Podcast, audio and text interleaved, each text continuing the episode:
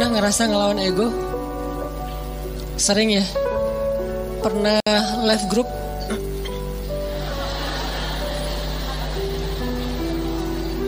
Kadang nggak live group, cuman grupnya yang nge-live kita. Gimana grupnya nge-live kita? Tadinya grupnya rame, chat, broadcast, segala macam, tiba-tiba sepi. Kenapa sepi? Ternyata mereka bikin grup baru, dan cuman kita doang ya nggak dimasukin ya. Ini namanya bukan live group, grup live kita. Saya pernah ngerasain kayak gitu. Kenapa ini sepi nih? Eh, ternyata bikin yang yang baru. Adminnya mantan. enggak enggak bercanda. Jadi eh, mungkin kita pernah rame sama orang, pernah kelas, pernah sakit hati, pernah baper. Apalagi kadang orangnya itu orang dekat kita, keluarga, pasangan, orang tua, mertua, adik kakak, sahabat, yang pasti rasanya nggak nyaman. Kita tuh nggak pengen lama-lama diam-diaman, pasti kayak gitu. Cuman kok nggak ada kekuatan ya untuk bisa memulai bicara duluan, mungkin nyapa duluan, atau senyum duluan, atau say hi duluan, nggak japri duluan. Kok nggak ada kekuatan kayak gitu? Yang terjadi justru kita kayak pasif nungguin dan berharap dia duluan yang nyapa kita. Diam-diam sebetulnya berharap, tapi nggak pengen kita yang duluan. Nah ini namanya ego nih hati kita secara jujur sebetulnya pengennya udah deh nggak usah gini-gini amat, nggak usah diam-diaman terus. Udah deh kita mending netral lagi, biasa lagi, cair lagi dengan geng kita mungkin geng kecil yang dari SD, SMP, SMA udah barengan. Terus baru pisah, nikah dia duluan, kita tinggal sendiri misalnya. Kan suka kayak gitu tuh. Ada baper-bapernya nggak pengen lama-lama. Tapi yang terjadi udah lebih seminggu nggak ada yang duluan datang untuk menyapa karena dua-duanya menjaga ego. Berat rasanya untuk ngelawan ego dalam diri sendiri. Ini sering terjadi dalam kehidupan kita. Dan yang lebih fatal lagi dengan orang tua nih. Sampai kalau dengan orang tua atau dengan mertua lebih berat lagi tuh. Kadang dengan pasangan aja bisa kayak gitu. Kita berharap udahlah cair lagi ngobrol lagi kayak kemarin. Tapi ada rasa berat pengen yang duluan. Nah, gimana cara kita bisa menjaga uh, apa melawan ego kita sehingga tetap bisa menjaga silaturahim, menyambung silaturahim, uh, berdamai dengan orang-orang yang dekat dengan kita selama ini ketika ada masalah. Ini pembahasan yang luar biasa penting walaupun mungkin kita udah pernah baca hadis-hadisnya, pernah dengar ceramah-ceramah tentangnya, setidaknya hari ini kita pengen ref, uh, apa refresh lagi semangat kita untuk melawan ego. Melawan ego itu dalam uh, kehidupan kita tuh ada banyak macam, teman-teman. Pertama, melawan ego ketika kita harus mengakui kesalahan kita. Ini berat nih. Mengakui bahwa kita sah, salah itu berat. Dan yang men, apa yang membuat kita sulit mengakui kesalahan kita walaupun secara jujur di dalam hati kita nyadar kalau kita tuh salah tapi nggak pengen ngaku itu pasti ego. Nah ada satu kisah yang luar biasa kisah ketika Nabi Wasallam selesai perang Khaybar. Perang Khaybar itu perang paling besar antara kaum muslimin dengan orang Yahudi di Madinah. Ini paling besar dan bisa dibilang perang terakhir Nabi Wasallam. Setelah itu udah kayak nggak ada lagi perang-perang yang sulit. Ini perang Khaybar. Perang Khaybar setelah selesai perang ada beberapa tawanan perang. Salah satunya adalah calon istri Nabi orang Yahudi. Siapa namanya? Sofia. Jadi salah satu tawanan perang Khaybar itu adalah Sofi Sofia. Suaminya terbunuh dalam perang Khaybar saudaranya terbunuh dalam perang Khaybar ayahnya terbunuh dalam perang Khaybar, pamannya terbunuh dalam perang, perang Khaybar, keluarga besarnya banyak yang terbunuh dalam perang Khaybar. Dan cuman mungkin bisa dibilang dia sebatang kara yang selamat dalam perang Khaybar dan jadi tawanan kaum muslimin. Akhirnya Nabi datang ke tenda para tawanan perempuan Nabi mencari tahu di mana Sofia karena dia anak kepala suku. Ditunjukkan oleh sahabat, masuklah Nabi dengan beberapa orang sahabat ke dalam tenda Sofia dan Sofia waktu itu komen dalam postingan itu tuh. Kata Sofia, Nabi eh, Muhammad adalah orang yang paling aku benci saat itu. Gimana enggak? Ayahnya dibunuh, pamannya dibunuh, saudaranya dibunuh, suaminya dibunuh. Keluarga besarnya banyak yang terbunuh dalam perang Khaybar sehingga kata Sofia Muhammad adalah orang yang paling aku benci waktu itu. Jadi Nabi datang ke Sofia dalam kondisi Sofia itu lagi benci banget sama Nabi.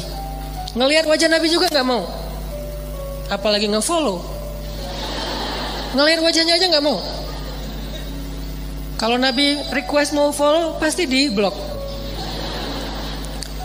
Jadi benar-benar nih Sofia lagi marah berat dan lagi baper berat sama Nabi, lagi benci banget sebenci-bencinya dan lagi sedih sesedih-sedihnya. Gimana nggak sedih kehilangan satu keluarga aja sedih ini apalagi satu satu besar satu apa satu keluarga besar termasuk orang yang paling penting dalam hidupnya ayah dan suaminya. Apa yang dilakukan Nabi? Nabi datang minta maaf kepada Sofia. Apakah Nabi salah? Tidak. Apakah Nabi zalim kepada keluarga Sofia? Tidak sama sekali. Tapi Nabi tidak punya ego di dalam dirinya. Beliau datang meminta maaf kepada Sofia.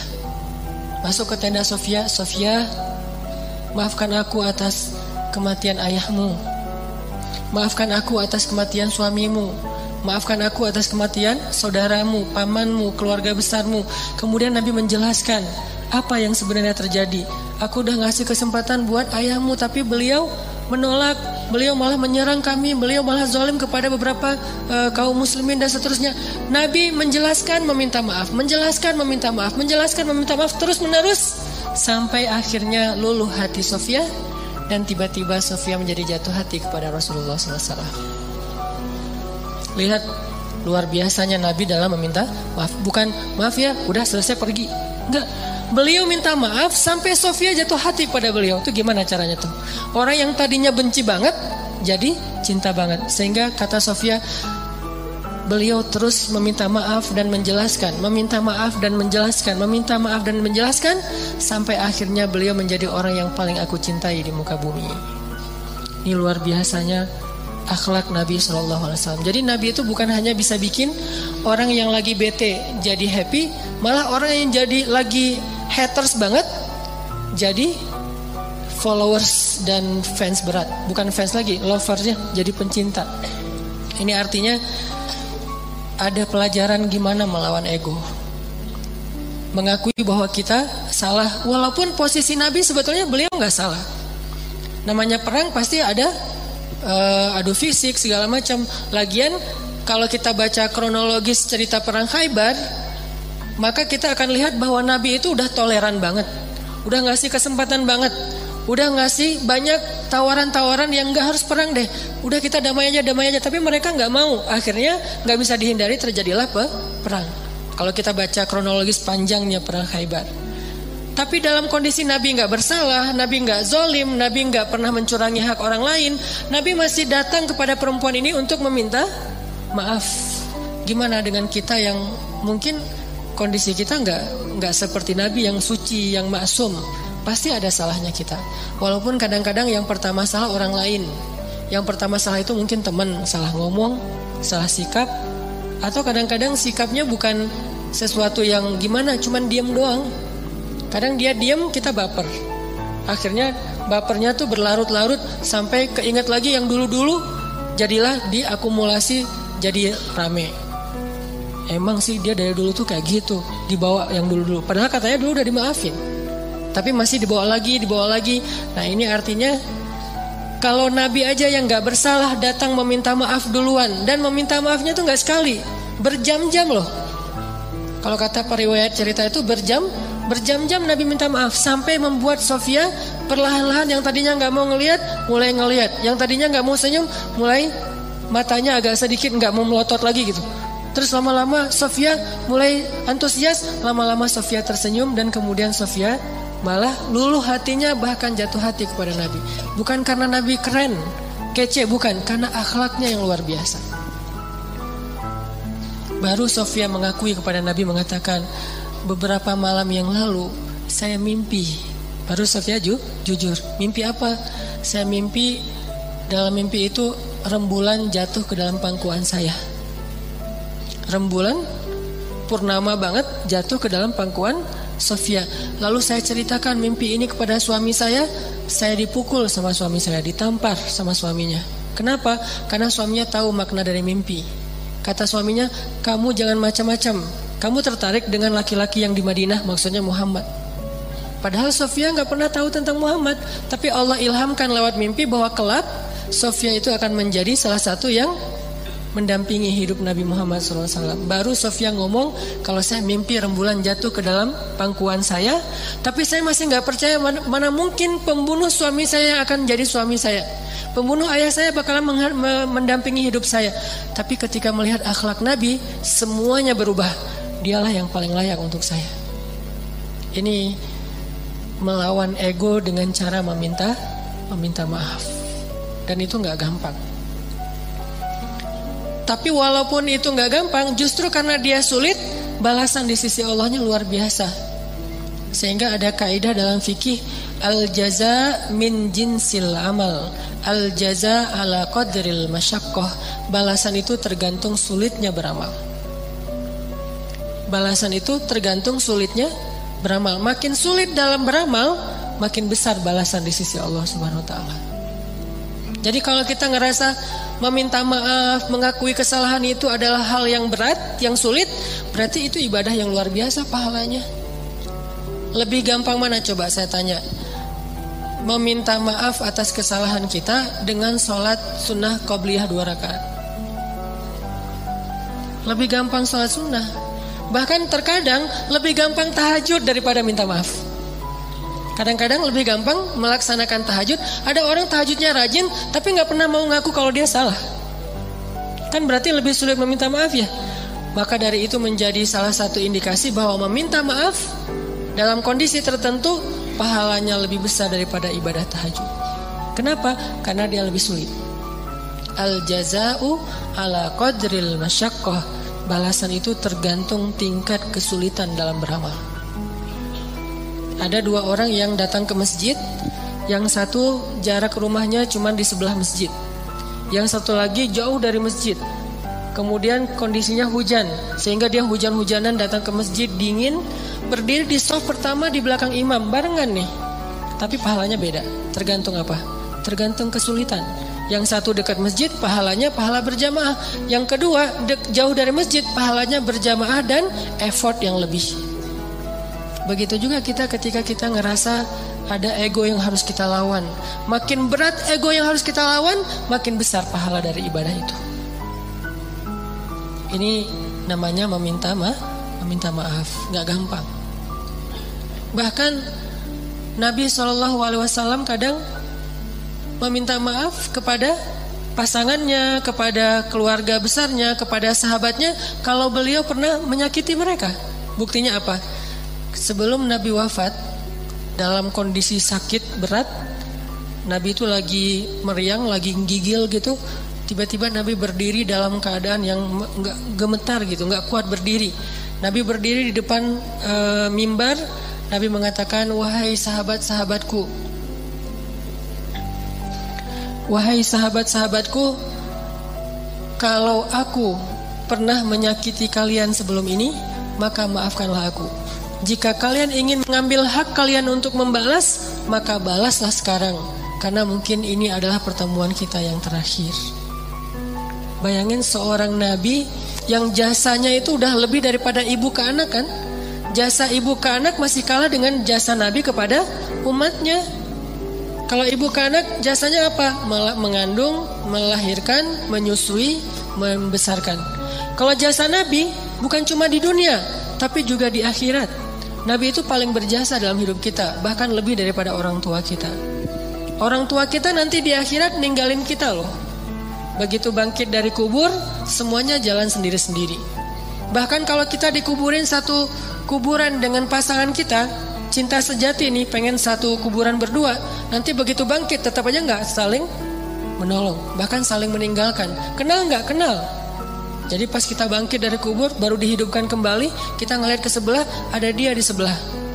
Itu pasangan kita banget tuh. Bahkan bukan mantan, emang dia istri kita atau suami kita. Gak ada dendam gitu, masih ada rasa uh, kasih sayang gitu. Bangkit dari kubur ngelihat pasangan kita, sama sekali kita nggak mikirin untuk menolong dia. Pergi aja sendiri. Dia juga gitu pergi sendiri.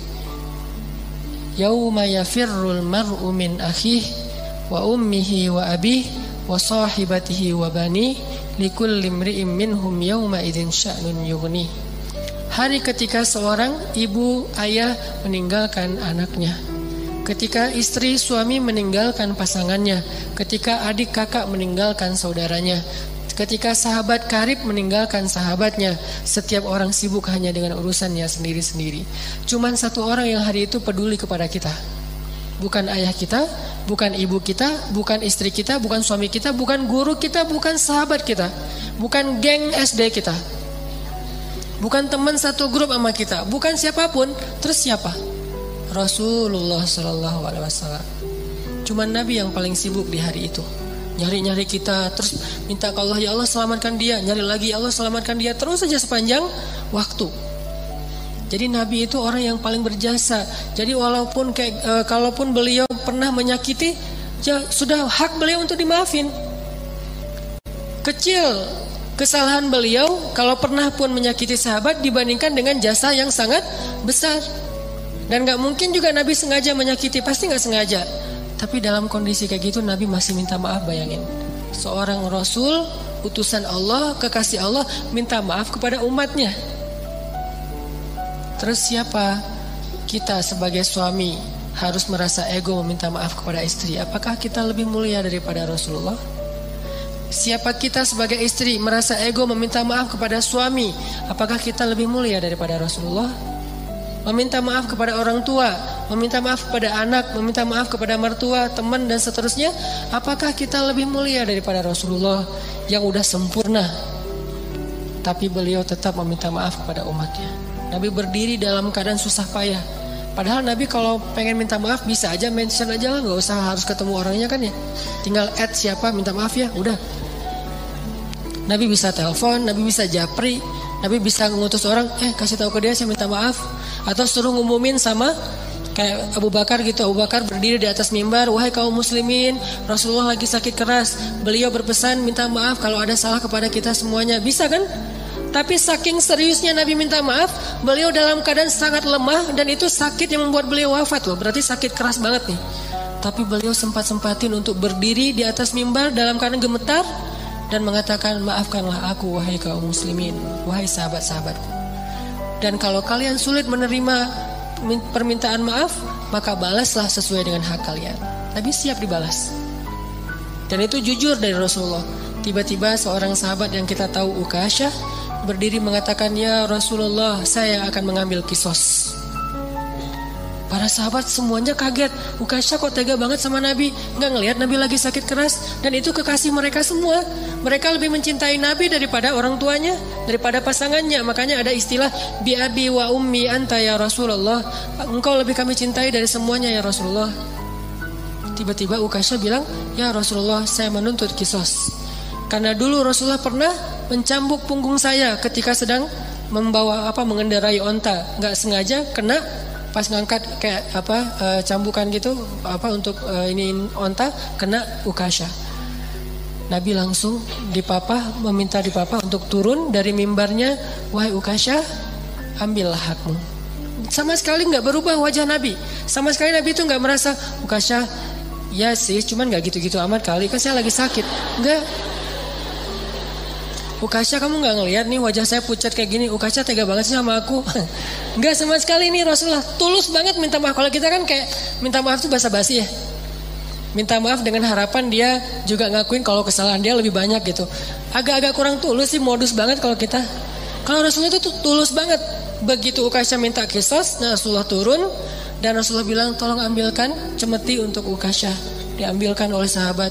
Terus Ukasha pegang itu, kata Ukasha, ya Rasulullah, Waktu itu saya nggak pakai baju.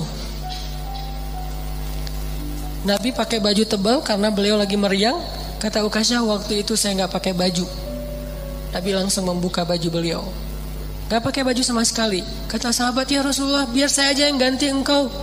Ya Ukasha aku aja yang ganti Rasulullah Kalau kamu mau tambahin aja 10 kali lipat Tapi jangan Rasulullah kami aja yang ganti Rasulullah Banyak yang jadi relawan pengen gantiin posisi nah, Nabi Abu Bakar, Umar Semuanya pengen gantiin Ukasha diam dan Nabi mengatakan Tidak Itu adalah kewajiban aku untuk Ukasha Itu hak Ukasha Minggir Pada minggir semuanya Nangis sahabat Melihat Nabi diperlakukan gitu-gitu amat Seandainya boleh tuh udah digebukin tuh Ukasha Cuman kan gak boleh karena itu hak Ukasha ya.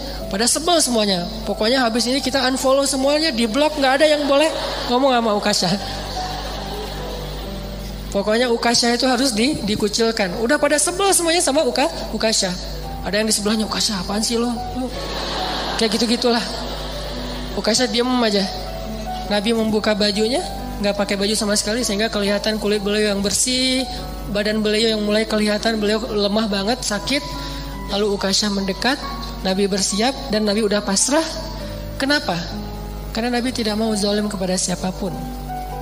Langsung dibuang tuh sama Ukasha semestinya langsung dipeluk oleh Ukasha, dicium punggungnya Nabi oleh Ukasha. Nabi kaget, Ukasha ada apa? Ukasha ada apa? Sahabat juga kaget, apa-apaan sih ini?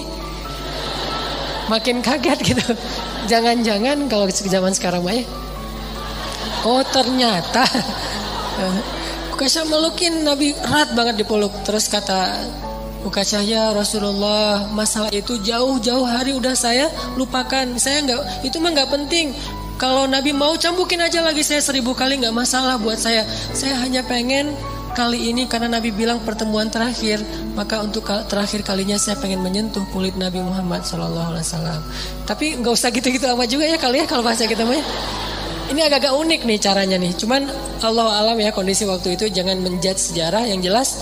Ukasha meluk terus Nabi mengatakan kulit yang bersentuhan dengan kulitku maka Allah haramkan dari api neraka. Yang lain pada heboh, oh, ya udah ikutan. Heboh gitu. Sambil meluk, sambil selfie, ada yang pengen update status gitu kalau zaman sekarang. Kan nggak lupa ya ke mana-mana bawa handphone, sadar kamera banget lihat gimana Rasulullah Shallallahu Alaihi Wasallam itu serius minta maaf. Padahal salah apa sih Nabi kepada umatnya? Kalaupun ada juga nggak sengaja, lagian jasa beliau jauh lebih besar, tapi masih mau minta maaf dan minta maafnya itu bukan nunggu sembuh, bukan nunggu sehat. Dalam keadaan sakit keras juga beliau datangin orang untuk minta maaf. Artinya, seandainya Ukasha nggak ada di situ, Nabi datangin tuh rumah Ukasha minta maaf. Bukan ditelepon, didatangin orangnya. Didatangin orangnya buat apa? Meminta maaf. Apa yang membuat Nabi begitu luar biasa bisa melawan ego beliau? Iman. Obat ego itu adalah i, iman.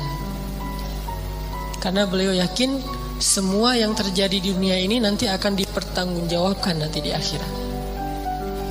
Dan di atas pertanggungjawaban itu ada satu hal lagi, karena meminta maaf itu adalah salah satu ciri hamba yang dicintai Allah Subhanahu wa taala. Allah tuh cinta banget sama hamba yang senang meminta maaf baik kepada Allah ataupun kepada manusia. Allah senang banget. Makanya ada istilah li ajlika rabbi. Apa arti li ajlika rabbi? Jadikan semua yang kita lakukan itu ini untukmu ya Allah. Kalau karena Allah agak-agak mainstream ya bahasanya agak kurang berasa. Untukmu ya Allah jadi kita meminta maaf, kenapa saya harus melawan ego saya minta maaf? Ini untukmu ya Allah, saya meminta maaf. Ini untukmu ya Allah, saya memaafkan. Ini untukmu ya Allah, saya menahan amarah. Ini untukmu ya Allah, ini untukmu semua yang kita lakuin dalam kebaikan-kebaikan di dunia tuh. Coba kita niatkan, ini untukmu ya Allah. Kalau bukan karena engkau, saya nggak akan sanggup melakukan ini. Jadi bukan untuk suami, bukan untuk uh, teman, bukan untuk orang tua, mertua, bukan untuk orang lain, tapi untuk Allah. Coba niatkan itu insya Allah akan lebih ringan. Kadang-kadang yang buat kita ego dan ngerasa berat itu kan ngerasa bahwa ini untuk orang itu ya. Udah dia jahat ke saya terus saya maafin enak banget. Kalau untuk dia kita ngerasa uh, agak-agak kayak rugi gitu. Tapi kalau untuk Allah ini untukmu ya Allah. Saya melakukan hal yang berat kayak gini. Niatkan untuk Allah bukan untuk orangnya. Maka insya Allah Allah akan melapangkan dada kita. Minta maaf.